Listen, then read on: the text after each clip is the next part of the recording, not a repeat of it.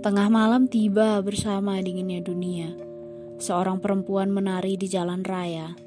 Ia terbawa dengan alunan lagu paling merdu dari sudut kota paling hampa. Tak mau peduli dengan puluhan pasang mata yang sedang menonton dengan tatapan iba. Bukan, bukan karena pertunjukannya.